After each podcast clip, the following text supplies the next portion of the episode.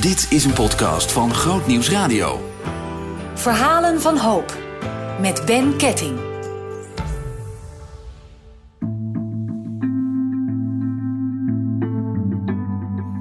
Het is een mooie augustusochtend als ik het Zeeuwse Arnhemuiden op het voormalige eiland Walcheren binnenrij. Het is een pittoresk plaatsje met zo'n 6000 inwoners. Onbewust schiet de smartlap de klok van Arnhemuiden in mijn hoofd. Arnhemuiden staat bekend als een wat gesloten en overwegend christelijke gemeenschap. In deze omgeving van klederdracht en visserij heb ik een afspraak met Sari van der Kolk. Ze heeft een heftig leven achter de rug en wil daar in deze podcastserie Verhalen van Hoop over vertellen. Nou, ik kom uit een uh, gelukkig gezin. Uh, drie broers en zus. Vader en moeder. Altijd gelukkig uh, opgegroeid. Middelbare school doorlopen natuurlijk. Vlissingen, Zierikzee, noem maar op. Allemaal van die steden die wel bekend in onze oren klinken. Hoe was dat om hier op te groeien als meisje? In zo'n vissersgebied eigenlijk? Ja, knus en gezellig. Iedereen kent elkaar. Uh, de buren. Iedereen was goed met elkaar. Dus ook gezellig op school. Ons kantons. Dus het was altijd uh, echt uh, warm, warm gezin. Leuk. Werkten je ouders ook in de visserij? Nee, mijn ouders werkten niet in de visserij. Mijn vader was, die werkte in de bouw, kraammachinist. En mijn moeder was gewoon huisvrouw. Liepen ze nou ook in klederdracht? Liep jij als meisje nog in, in zo'n prachtige jurk met van die mooie knopen? Nee, nee, nee. Helaas, uh, dat, uh, nou ja, helaas, ik ben, uh, ben wel blij dat ik dat nooit heb hoeven doen. Toen in die tijd was het veel dat je ja, al vroeg ging werken. Je ging werken in een mosselfabriek. Toen was ik 15, bijna 16. Het is heel jong om al aan het werk te gaan, hè? Ja, maar dat was hier normaal. Uh... Veel kinderen van die leeftijd gingen in visserij, in een mosselfabriek werken. Wat moest je daar doen? Aan de lopende band. Mossels sorteren, vieze mossels uh, uh, eruit vissen. Dus, maar ja, goed, dat is toen misgegaan. En, Het is misgegaan. Vertel, ja. vertel eens, wat, wat is er gebeurd? Ja, ik paste gewoon niet in dat, in dat plaatje daar zo. Dus paste daar niet zo goed in. Ik ging toen al vroeg uh, met mijn zuster mee zaterdags uit. En de rest van die meisjes die deden dat niet. Die gingen altijd braaf naar de kerk. En ja, dat, dus ik paste daar niet zo in. Was jij kerkelijk opgevoed eigenlijk? Ik was wel kerkelijk opgevoed, maar ik ging niet naar kerk. Mijn, mijn vader was wel gelovig, mijn moeder ietsje minder. Maar er was, ik ben wel met de Bijbel opgegroeid, ook naar de christelijke school. Dat wel. Wat vond je daarvan toen? Maar ja, toen vond ik dat niet zo. Nee, ik, ik had er niet zoveel mee. En op een gegeven moment, je zit in een mosselfabriek. Eigenlijk, je zegt, ik paste daar niet. Want ik ging met mijn zus uit. Vertel eens, wat, wat, wat, wat, hoe was die tijd voor jou? Dat is een beetje 17, 18 jaar, 17, 16? 15, 16, 17, 18. Ja, het was ja, veel drinken veel, uh, op, veel op stap.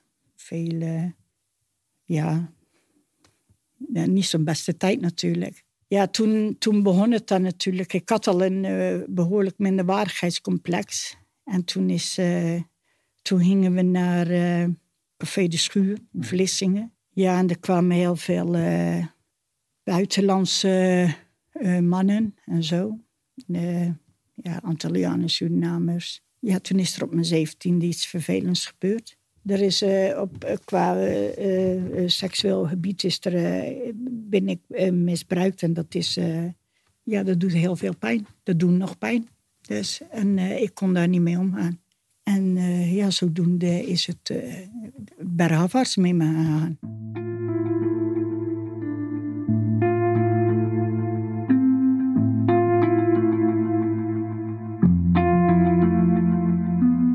ben toen begonnen met wiet te roken. Dan krijg je alleen maar negatieve of uh, slechte mensen om je heen. Want die zoek je op om, om aardig gevonden te worden, tenminste. Ja, dat, ik weet nu dat dat niet zo is. Maar ja, op een of andere manier zocht ik toen die bevestiging dat ik wel aardig was en zo. Ik was gepest en dan gebeurt dit. Dus ik moet aardig wezen om, zodat mensen me niet in pijn kunnen doen, moet ik aardig wezen. Maar dat is natuurlijk, uh, ja, dat werkt averechts. Want het ging, uh, ik ging echt de slechte kant op. Toen heb ik mijn uh, zoons vader leren kennen. Ja, en dat was een dealer. En ja, ik, ik zat gewoon uh, ja, tussen de, de, gebruikers en de dealers. En toen werkte ik nog gewoon, want ik werkte uh, in de bouw. Ik was daar, ik werkte als kate, kantinejuffrouw. Ik deed daar alles, koffie verzorgen, van alles en nog wat. S'avonds werkte ik fabriek, ik kantoren schoonmaken. Toen heb ik ook, uh, begon ik aan met checks uh, vervalsen. En toen vroeg mijn, mijn vriend toen, ja, dat kan je wel even doen. Dus toen ging ik checks vervalsen. Wiet gebruikte ik elke dag. Maar toen kwam er ook kook bij. En toen ging ik bezen. Ja, euforisch was dat gewoon. Want bezen, dat is roken. Kan je dat voor de luisteraar ja, Het is uh, bezen, dat is uh, cocaïne in een waterfles, in een waterpijp. En dan ja, dat deed je met een, uh, op een uh, ijzeren stokje met uh, een watje mee, dopte je in de strorum, stak je tanden, toen ging, je, ja, dan dat borrelen. En dan, ja, ik denk dat het eigenlijk nu krekroken is. Het was toen heel erg populair, het bezen. Ja, dat bezen was echt in de jaren tachtig, was het heel populair, ja. Wist je toen al, ik ben gewoon verslaafd? Nee, toen nog. Toen was, ik was nog jong, dus dat... 17, 18 jaar? Ja ja, goed, ik deed dan uh, seks vervalsen en uh, ja. Om aan geld te komen natuurlijk? Nee, want ik, ik had gewoon werk. Ik werkte gewoon overdaan. Zelfs ik stond achter in, uh, in een café, want ik had natuurlijk, ja, als je kook gebruikt, kan je nog best wel, kan je best wel deugen. Sari is nog geen twintig als ze zonder dat ze het zelf doorheeft al leeft met een verslaving. Haar vriend is dealer, dus drugs zijn altijd voorradig. Sari zoekt wanhopig naar erkenning, de wetenschap dat ze er mag zijn, dat men van haar houdt. Dus houdt ze de relatie met haar vriend angstvallig in stand. De vader van mijn zoon, die zat in de gevangenis, dus ik ging braaf op bezoek natuurlijk. En uh, ja, elke keer dat hij in de gevangenis zat, uh, beloofde hij dat hij met me zou trouwen, maar die kwam er weer uit. En dan uh, hij weer verder natuurlijk mee gebruiken. Want die was, ik kwam erachter dat hij ook gebruikte. Die deelde niet alleen, maar die gebruikte den ook.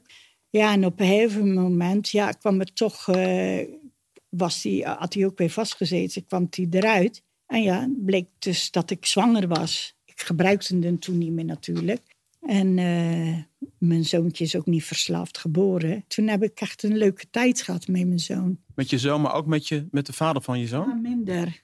Uh, mijn zoon was vier weken of drie weken oud. En uh, toen uh, stond Therese Zura weer al aan mijn deur van... ja, hij zit weer vast. En ja, moest ik met een baby in mijn arm naar het politiebureau. En het was echt een, een ja, gevangenis in en uit. Draaideuren systeem. Ik ging steeds trouw op bezoek. Ik heb uh, binale baas en uh, mannenbaas van binnen en buiten gezien. Dus. Maar goed, hing gewoon verder met dealen natuurlijk. Ik woonde inmiddels in een ander huis. Hoe zou je kort die tijd kunnen omschrijven? Doodvermoeiend. Slopend gewoon, echt waar. Ja, ik was het gewoon helemaal zat met die man. Jij wilde het goed doen? Ik was zo verliefd op die man. Ik had er een kind van. Maar ik, ik, ik kon hem niet bereiken. En hij hield niet van mij. Dus dat stukje kwam weer terug. Dat is, dat is wel heftig, Sari. Ja, dat, dat stukje kwam terug van niemand houdt er van mij. Op den duur ben ik stiekem die heroïne geroken. En dat was de grootste fout in mijn leven.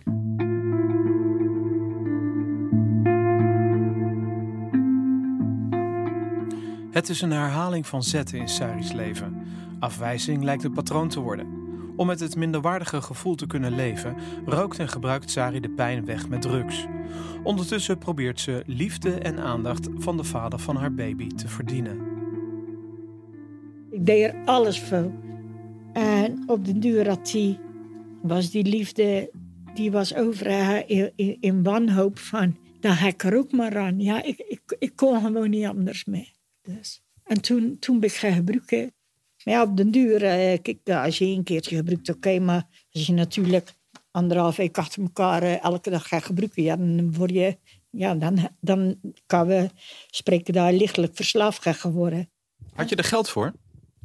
Nee, dat zat al in een sok. Al die pakjes zat in een sok. En eh, toen kwam hij een keer eh, thuis. En toen kwam hij natuurlijk die heroïne ophalen. En er was niks meer van over. Ja, het was zijn heroïne. Ja, ja toen heb ik ook wel even gemerkt dat het zijn heroïne was, zeg maar. Ja, toen was hij ook wel heel erg boos. Ben je ook geslagen of was dat... Ja, toen had hij me wel even een paar klapjes gegeven, ja. Maar dat voelde ook weer natuurlijk als terecht. Maar ja, toen is het echt van tot erger. toen ben ik een heel verkeerde pad opgegaan. Als de voorraad drugs op is, moet Sari haar verdovende middelen gaan kopen. Het kost haar alles en voor een simpele maaltijd blijft er niets over. Ze moet stelen om aan eten te komen. En al gauw gaat ze als sekswerker in clubs werken. En dat ervaart ze als dieptepunt in haar leven. Dat ik als uh, mezelf moest verkopen. Want uh, ik heb zoveel gestolen in mijn leven. Uh, ik kon gewoon op den duur de winkel niet meer binnenkomen. Want ze stonden zo echt met de armen over elkaar. Zo naar me te kijken van, wat ga je doen vandaag hier binnen? Dat ik maar gelijk rechtsomkeer maakte van, ja, dit gaat ook niet meer werken. Want ze hebben me door.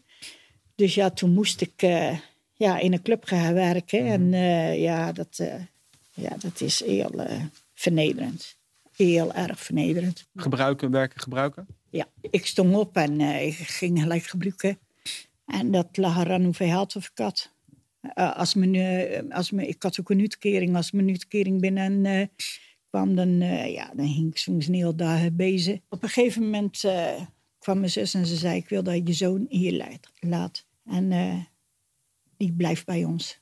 En ja, ze zegt, want dit kan niet zo langer.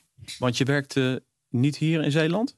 Ik heb overal gewerkt. En op den duur ja, kon ik dat ook niet meer. Want ik vond het gewoon... Ja, ik ging er gewoon echt jankend naartoe. Ik heb ook heel veel privé natuurlijk uh, uh, klanten gehad.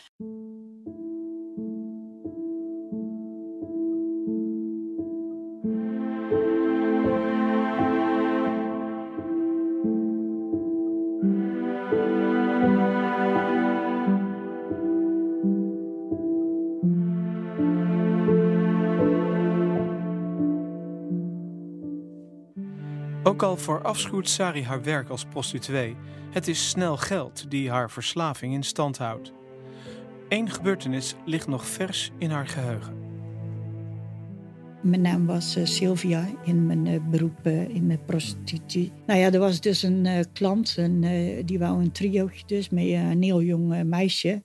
Maar dat meisje, ik had dus nog geen klanten, had dus gezegd, ik wil alleen als zij mee mag.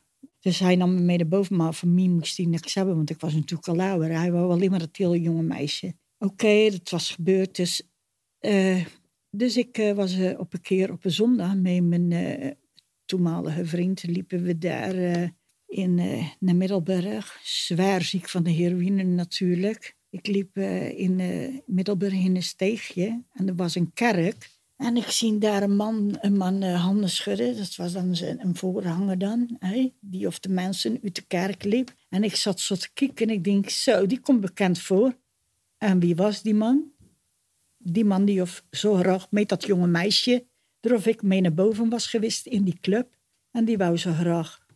Hè? Daar was ik ook mee naar boven geweest. Maar Mie moest die niet hebben, maar die moest dat jonge meisje hebben. En die man die zat dus handen te schudden dat was dus de voorhanger van de kerk. Dus, dat was heel hypocriet natuurlijk om dat te zien. Ja, toen in die tijd vond ik het heel hypocriet. Maar ja, nu denk ik van ja, het is natuurlijk die man zijn eigen demon. En dat heb God natuurlijk niet gedaan. En uh, op een gegeven moment heb ik gezegd van uh, ja, ik kan dit niet meer. En toen kon ik smokkelen, uh, drugs smokkelen naar buitenland.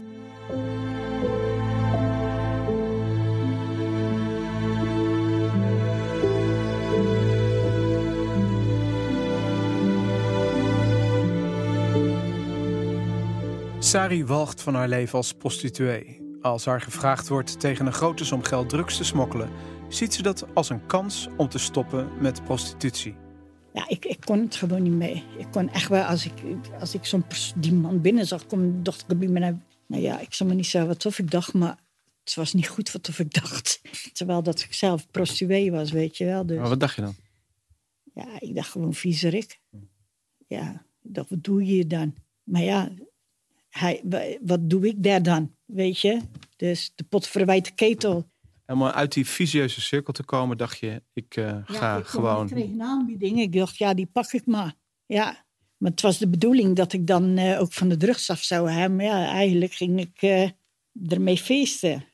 Maar deze keer dat het fout ging, ging ik naar Aruba. Ja, dan komen ze naar je toe. En dan, ja, dan weet je de, de, dat je de pineut bent, want de vloer zakt onder je voeten vandaan. Als ze vragen van hoe of je, of je naam is, en dan weet je van, ja, het is, ze komen niet zomaar naar je toe. Dus ja, en dan gaat het uh, beginnen en dan denk je van ja, ik ben uh, de pineut. Het is voorbij. Maar dan zit er, ik probeer het me even voor te stellen, hè? een blond meisje wat ooit daar in het mooie Arnhemuiden rondliep. Die zit dan in een gevangenis in, op Aruba. Ja, dat, dat wil je niet zitten. Dat, nou, dat is gewoon verschrikkelijk. De, ik zat eerst in het kantoortje en dan nemen ze je mee en dan hing er zo'n traliedeur open zo'n deur open en ik, uh, dat was gewoon uh, in de open lucht, zeg maar. En toen zei ik, uh, ja, ik dacht, ik probeer nog even. Ik zeg, ja, maar daar had ik niet in hoor. Ja, hij zegt, daar had je echt in. En het was gewoon een, ja, open lucht, gewoon van die, die, die traliedeuren. En die weer gewoon naar binnen gedouwd in het pikken donker. En toen hoorde ik op een gegeven moment gewoon hallo. Ik zeg hallo. En er zat er gewoon nog een vrouw op een betonnen blok. En dat was het. Gewoon een betonnen blok in traliedeuren. En er liepen gewoon ratten daar zo rond. En ja, dat was het. En ik, eh, de volgende dag, ja, ik denk, ik ga nog een poging doen. Ik zeg, ik trek de haren uit mijn hoofd. Haal me hierbij. Die man zegt, ja, je kan trekken zoveel of je wil, maar ja, dat, helpt niet. Dus daar ben ik maar mee gestopt. Want ja, je moet het nemen zoals het is. Maar ik was natuurlijk ook uh, ziek aan het afkicken. Dus dat is ook nog eens heftig. Maar ja, dat doe je daar cold turkey, want uh, ja, er is niks. Cold turkey is zonder medicijnen afkicken? Ja, ja, ja. ja zonder metadon? Ja. En uh, ja, dat heeft me drie jaar gekost.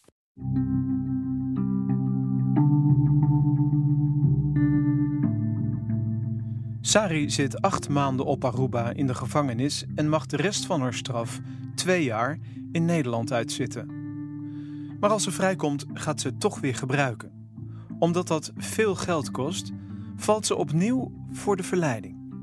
En toen kregen wij een kans om te smokkelen naar Engeland. Toen ben ik naar Engeland gegaan. Ook daar weer gepakt natuurlijk. En toen heb ik een half jaar in Engeland gezeten. Want wat was het kook wat je smokkelde? Kook, ja. En dan heb ik door één bolletje, dat was blijven zitten, mijn uh, dingen heb ik gepakt. Dus ik was maar pak voor één bolletje. Maar zes maanden. Maar toen kwam ik thuis. En ja, toen had ik echt huurachterstand. En ja, ik, uh, het was echt verschrikkelijk. Het was december. Heb ik hele oude kerst, oude nieuw alleen gezeten. Helemaal moederziel alleen. Wij gebruiken natuurlijk. Had je nog contact met je familie, met je ouders bijvoorbeeld? Zussen, broers, familie? Ja, mijn vader was inmiddels overleden. Uh, mijn moeder en ja, maar ja, ze hadden natuurlijk geen vertrouwen in me. Niemand. Mijn zus die is altijd, uh, uh, jij had altijd contact mee me houden. Mijn moeder ook. En bepaalde mensen in mijn leven. Een van die mensen is Sari's vriendin Marjan, die Sari nooit heeft laten vallen. Op een zondag doet ze Sari een voorstel dat blijvende impact zal hebben. Ik was uh, bij mijn vader en moeder en Marianne, die af en toe best wel standvastig kan wezen, zei eens tegen me van, ik neem je eens mee naar de kerk. Ik zei, ja nee, weet je wat dit en dat. Ja, ik neem je mee. Ik stond er zo nou mee naar de kerk. En toen ging die dominee preken over de verloren zoon. Weet je wel, van die, uh, die of wegging, die of al zijn geld verkwisten. En daarna naar Ruus kwam en dat die man zei van, uh, we maken een feestmaal voor je klaar. En die andere zoon, die zegt van, ja, maar wat is dat dan, weet je wel. Zo. Ik ben er altijd geweest. Ja. En toen dacht ik van, ja, weet je, dit is altijd bij me gebleven, dat verhaal. Ik was er helemaal, ik zat ook toen echt te janken in de kerken. Hij, echt, Want jij voelde je de verloren dochter? Ik voelde me echt de verloren dochter. Ik, en ik had ook het gevoel dat de dominee alleen maar echt zo naar mij zat te praten. En ik zat helemaal zo van, uit de min, weet je. Nou ja, goed, ik was dus uh, bij uit Engeland terug. Nou, dus toen kreeg ik weer een aanbieding om te gaan smokkelen. Ja, ik ben echt de worst smokkelaar ever, want ik ben drie keer gepakt. En, en toen ging ik naar Zweden. Nou, daar moet je dus niet naartoe hè, als je gaat smokkelen, want daar ben ze niet zo veel... Uh... Streng. Ja, heel streng. En ik word natuurlijk gepakt. En toen kwam mijn advocaat en hij zegt, ja, ik heb uh, twee keer slecht nieuws. Ik zeg, en? Hij zegt, nou, de eerste is, uh, ja, je kreeg vijf tot zes jaar. Dus ik zeg, god, ik zeg, dat is, dat is balen. Maar de tweede zegt hij, vanaf december mag er niet meer gerookt worden. Ja, dat vond ik echt heel erg. Dat vond ik echt... Uh, kon geen sigaretten meer roken? Ik kon geen sigaret meer roken. En dat, dat, zat alleen maar in mijn hoofd. Van, want ik dacht ergens, dacht ik bij me, nou, dit is de tijd. Nu stop ik ermee. Nu heb ik de tijd om echt ermee te stoppen. En het hele vreemde was, ik had de Bijbel in mijn koffer. Dus dat dus was heel raar. Die had ik gewoon bij me. Dus je bent gaan smokkelen, je had de Bijbel in de koffer. Ja, de Bijbel je bent gepakt. Ja in de gevangenis terechtgekomen. Ja. Je mocht niet meer roken. Nee, maar ik kan met de Bijbel. Ik kreeg dus ook uh, vijf jaar. En uh, ja, mijn advocaat zei, je kan in hoger beroep, maar dat zou ik niet doen. Want uh, ze hadden gezegd van, als zij in hoger beroep gaat, dan gaan wij ook in hoger beroep. Dus dat had geen zin. Dus, nou ja, ik heb daar dus drie jaar en vier maanden van vastgezeten. Maar ik zat in de gevangenis en toen kwam ik in contact met een dominee in Limburg. En die had, was toevallig een oud collega van de dominee hier, dominee Bijman. Dat is de Geefmiddenkerk hier in Arnhem Ja. ja, die is toen bij me op bezoek geweest. En ja, toen zei ik van ja, ik ben wel eens in de kerk geweest over de verloren zoon en zo. Nou, en toen heb ik in de gevangenis, want ik heb eerst 13 maanden in Zweden moeten zitten voordat ik over het plaats weer. En de rest van mijn straf in Nederland. En toen heb ik uh, de beleidenis in de cel gedaan, zeg maar. Tenminste, de beleidenis, uh, de voordingen van de beleidenis. De categorisatie in de, in, in, in de cel doe, in mijn eentje. En nou ja, de dominee die zegt, ja, hij zegt... Ik nog nooit zo'n goede student gehad. Ik had vragen, antwoorden. Maar ja, ik had niks te doen. Heel neffend, want je zit in je celletje, je kan er niet uit. Ik had heel mijn moeite om af te kicken. En ik ben heel erg verslaafd geweest. En dus kunnen heel veel mensen kunnen daarover meepraten. En dat, daar ben ik helemaal vanaf gekomen. En ook uh, heel veel dingen die moeten ontstaan. Ik kende de taal niet, uh, maar ik heb elke dag gebid voor kracht en zo. God heeft me er zo doorheen geloodst. Ook in, ik, ik, ik was gewoon, ik was reinigster in, uh, Nederland, of in Nederland was ik reinigster. Ik heb, ja, ik heb gewoon... Uh, Je maakte schoon, uh. Ja, ik deed de gevangenis schoonmaken. Ja. Ik had met iedereen een goed contact. ik had gewoon echt ook, ook, ook, vriendinnen en zo. Ik, ik voelde me nou gewoon echt gelukkig gewoon. Geaccepteerd ook? In de gevangenis voelde ik me nou gewoon gelukkig. Ik denk, nou ja, dit... En toen kwam de tijd dat ik naar buiten mocht. Ik denk, nou, dat gaat hem toch niet worden, denk ik hoor. Maar ja, je moet een keer naar buiten natuurlijk. Nou, toen ging ik op. Uh... Want eigenlijk was de gevangenis een soort van veilige plek voor je geworden. Ja, en ik vond het ook niet erg dat die straf zo lang duurde. Nou, nee, ik zat gewoon, ik had mijn plekje wel. En uh, om de zes weken uh, kwam dominee op bezoek. Marian kwam vaak op bezoek. En mijn zoon kwam op bezoek. En mijn zus. En gaat wel. je had eigenlijk al naar je zin. Ja, ik zei naar mijn zin, ja. Ja, het was wel leuk. Mijn zoon kwam op. Uh, kijk, je hebt daar uh, zo'n. Uh, hoe noem je dat? BZT, bezoek zonder toezicht. Ja, dat hebben mannen en vrouwen met elkaar. Maar ik had het met mijn zoon, dat ik quality time met mijn zoon had. Vond ik hartstikke leuk, weet je wel. Dus ja, ergens vond ik het wel leuk. Maar ja, dat komt toch een dat je, dan druid schoppen. En ik had ook nog eens, dan ze van ja je mag wel eerder alvast. Toen dacht ik van, nou, dus dat wil ik eigenlijk helemaal niet eens. Maar ja, ja, ik had natuurlijk geen huisvesting of wat dan ook. Dus, en ik had ook uh, in al die tijd had ik al mijn schulden en zo al opgevraagd. En, dus daar was ik ook aan mee begonnen. En ja, het verliep al met soepeltjes.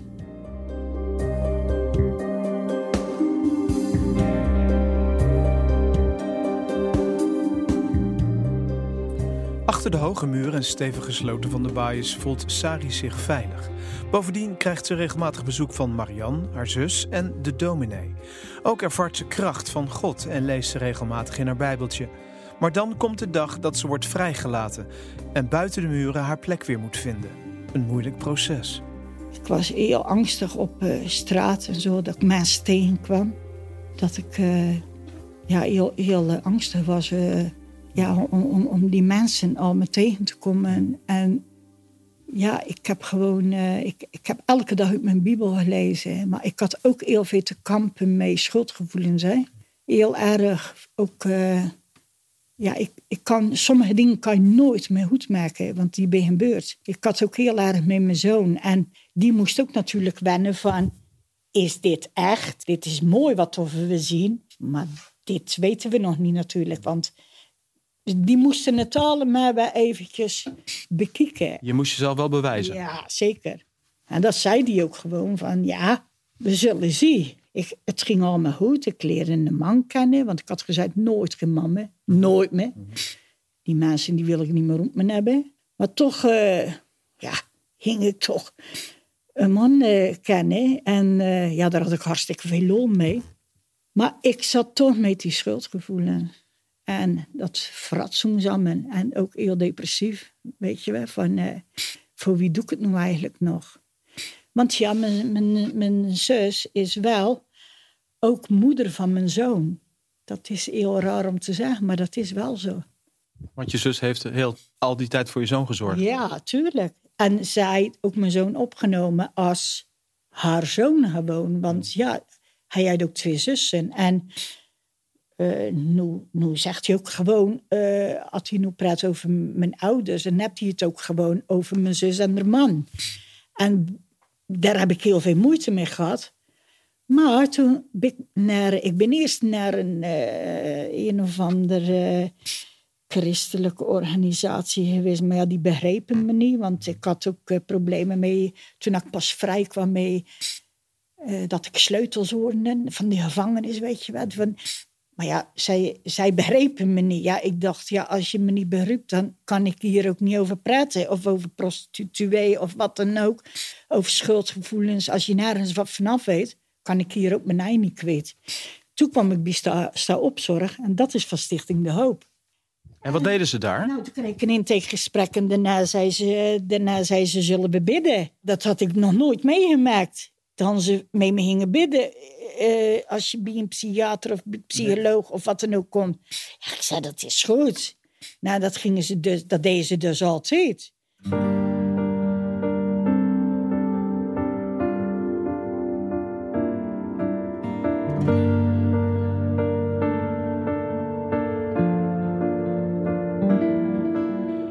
traumazorg die de hoop biedt ervaart Sari als een warme deken.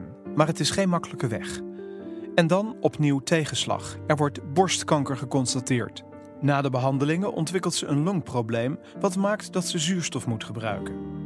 Sari worstelt nog steeds wel eens met schuldgevoelens en flashbacks over haar werk in de prostitutie, maar ook over hoe mensen mogelijk hebben geleden onder de drugs die zij smokkelde. Toch probeert ze dan te denken aan het verhaal van de verloren zoon, aan de vader die zijn kind in de armen sloot, zonder hem te beschuldigen van zijn verkeerde leven. Nou, het, het voor God uh, niet uit wat of je uh, gedaan of uh, gewist bent, want in zijn ogen bluf je zijn kind. Ook al, wat heb je, want er staat ook in de Bijbel, net als met die overspellige vrouw, van wie, wie zonder zo, zo, zonde is, werpen de eerste steen. En niemand gooide er een steen. Maar daar heb, ik heb daar af en toe moeite mee dat mensen zeggen, maar dat hebben ze bij, dat hij Lineke ook al heel vaak tegen me zei, mijn psycholoog.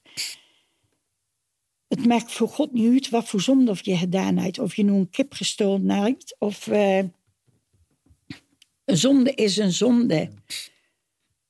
Dus, uh, en heb je geleerd om dat te accepteren, om dat te aanvaarden, dat dat zo ja, is? Dat probeer ik nog steeds. dat, dat, is een, dat is een proces? Dat is, een, is wel een proces. Van, uh, soms heb ik het helemaal. En dan, uh, dan, dan zit ik liederen te zingen en dan ben ik helemaal in de, Maar dan komt elke keer dat duvelse stemmetje weer van... eh, ja, maar... Want ik kan niet, ik kan niet in, in mijn verleden kijken. Maar ik heb ook helaas wel heel veel drugs gesmokkeld. Dat of ook wel goed is gegaan. Wie of dat al genomen heeft, ja, daar ben ik niet bij. En jij zegt het is zo moeilijk om die gedachtes Ja. eh, achter te laten. Om die aan God te geven, zeg maar. Ja, en ook de gedachtes, eh, de gedachte wat of God wel niet van mij denkt. Wat of ik mijn kind aan heb gedaan, mijn zoon. En mijn zoon kan duizend keer tegen me zeggen van... Mam, dit, dit, dit was, dit is gebeurd. Ik vergeef het je. Soms denk ik van... Ja, hij heeft me vergeven. Hè? Soms eh, eh, weet ik gewoon dat God zegt van... Saar, het is goed zo. Ik zit nou net te denken aan het verhaal wat jij vertelt over die overspelige vrouw. Die bij, die bij Jezus wordt gebracht door al die, eh, al die kerels. Je zonden zijn vergeven, weet je wel. Maar en ga naar huis, maar zondig niet meer. En dat is eigenlijk wat Jezus zegt. Ik moest net even aan denken toen jij zei... ik moet er steeds aan denken nog wel eens. Weet je wel, wat er allemaal is gebeurd. Maar hij zegt eigenlijk... want wij weten ook niet precies wat die vrouw allemaal heeft gedaan... en verhapstukt Nee, in de nee. leven. En, de, en, en dat, dat hoeft ook niet. Dat en dat zullen best wel dingen zijn geweest. Maar de Heer Jezus die zegt dan... ga maar naar huis, zondig niet meer, het is goed. Ja. En dat is nog steeds voor jou wel eens moeilijk om te accepteren.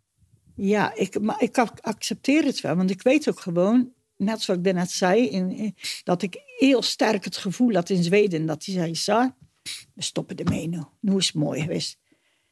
En dat ik daar ook best wel vrede in had, weet je. Dat ik dacht van, ja, nu is het dit. Het is mooi.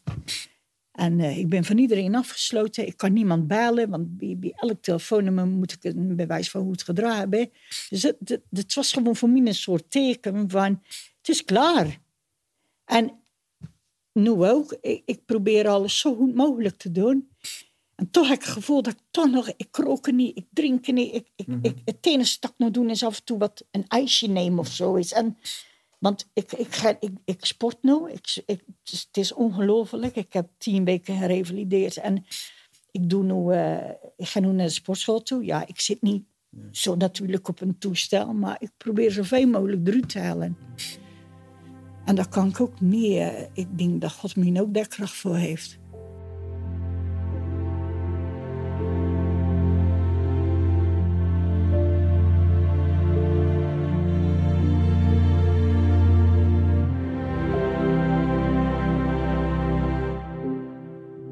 Als Sari aan het vertellen is, moet ik denken aan de film Shawshank Redemption.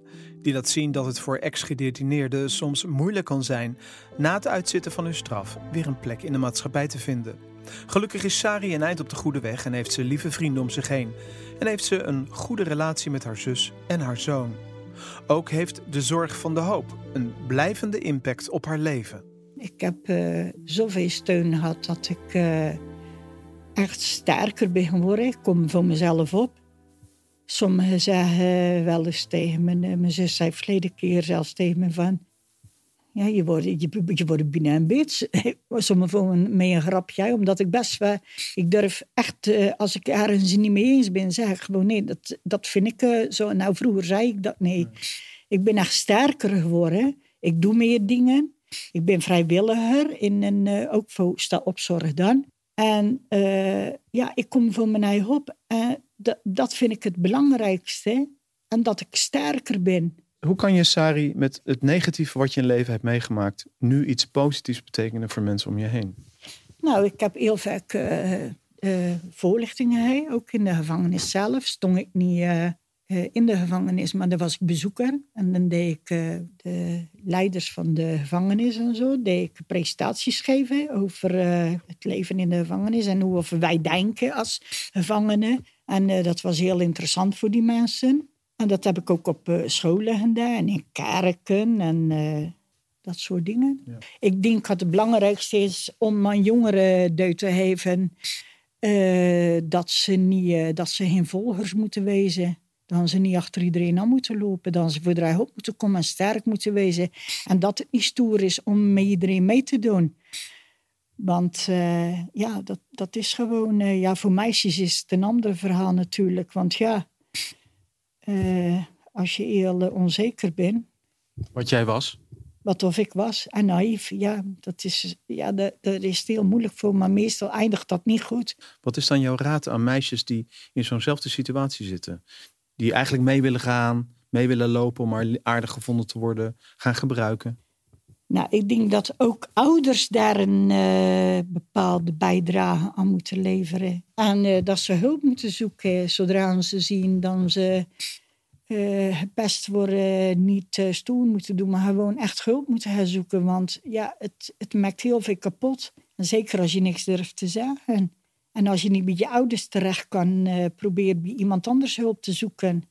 Of naar een dokter of, of wat dan ook. Want ja, ik, ik heb dat toen allemaal niet gedaan. En dat is... Het heeft heel veel jaren gekost van je leven. Nou ja, ik ben 55. 2007 ben ik al clean. Maar ja, toen zat ik natuurlijk vast. Dus... Wat betekent God nu voor jou in jouw leven? Hoe helpt hij je? Hoe, wie is hij voor je? Ja, heel belangrijk. God helpt me elke dag uh, ja, de dag door. Ik bid elke dag voor hulp voor, die, voor deze dag. Ik heb ook voor vanochtend gebeden. Ik bid uh, elke dag voor kracht uh, om naar de sportschool te gaan. En ik ga volgende week weer naar de psycholoog. Sinds lange tijd. Ik zit weer een beetje in de dip. Ook al zou je dat niet zeggen, maar het is wel zo. En, maar hulp vragen, kost, dat is juist uh, een teken dat je sterk bent. Tot slot, heb je nog een afsluitende gedachte? Iets waarvan je zegt, Ben, dit vind ik heel belangrijk dat mensen dat weten.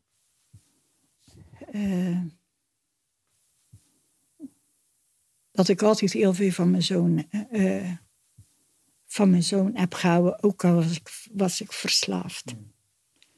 Dat is één ding dat of ik zie weer tranen in je ogen. Um, dat het niet de moeder hebben kunnen zijn die je had gewild te zijn, dat is iets natuurlijk wat pijn doet. Hè? Nou, dat is het grootste. Ja. Het is jouw bloed, het is jouw vlees, het is, ja. het is jouw kind en die moet beschermd worden. En uh, mijn zus uh, heeft dat allemaal opgevangen, maar dat had ik moeten doen en daar heb ik ontzettend in gefaald. En dat is mijn, mijn uh, dat is een heel groot stuk verdriet. Is dat ook iets, Sari, waar misschien de Heere God ook een soort van herstelling kan geven? Ja, daar ben ik nog steeds mee, uh, mee, uh, mee God over in discussie. Ja. dus. Ja. Ja. Maar ook dat, uh, ook dat gaat, komt nog wel. Heb je contact met je zoon? Ja, ik heb heel goed contact met, me, met mijn zoon, ja. Inhalen van alles wat je hebt gemist? Ja, dat, dat kan ik niet meer inhalen, want er ben te veel jaren uh, voor. Uh, maar ik heb een uh, gelukkig, ik heb een goed contact mee ze en dat wel. Wat is het mooiste wat jouw zoon tegen jou zegt vandaag? Ja, dat hij trots op me is. Dus, hij is trots op me dat ik naar de sportschool ga. En, hij is trots op me dat ik me gebruik. ja, dat zegt hij tegen me. Ja, ik vind je een fantastisch mens. En ja, nee, echt waar. Als ik zo even heel kort hoor wat je allemaal hebt moeten meemaken, dan ben ik trots op je dat je daaruit hebt gevochten. En, uh, en ik wens je ontzettend veel sterkte uh, de komende tijd in uh, alle dingen, in de processen die je nog door moet. En dat is niet fout. Dat is niet, nee. dat is niet fout. Weet je, we blijven ons hele leven vechten voor dingen die we moeilijk vinden en, en de resultaten van, van ons leven. En, uh, maar de Heer God is erbij. Weet je, hij ziet het. En hij zegt, probeer het aan mij te geven, want ik wil met je meedragen. Toch? Ja. Dankjewel.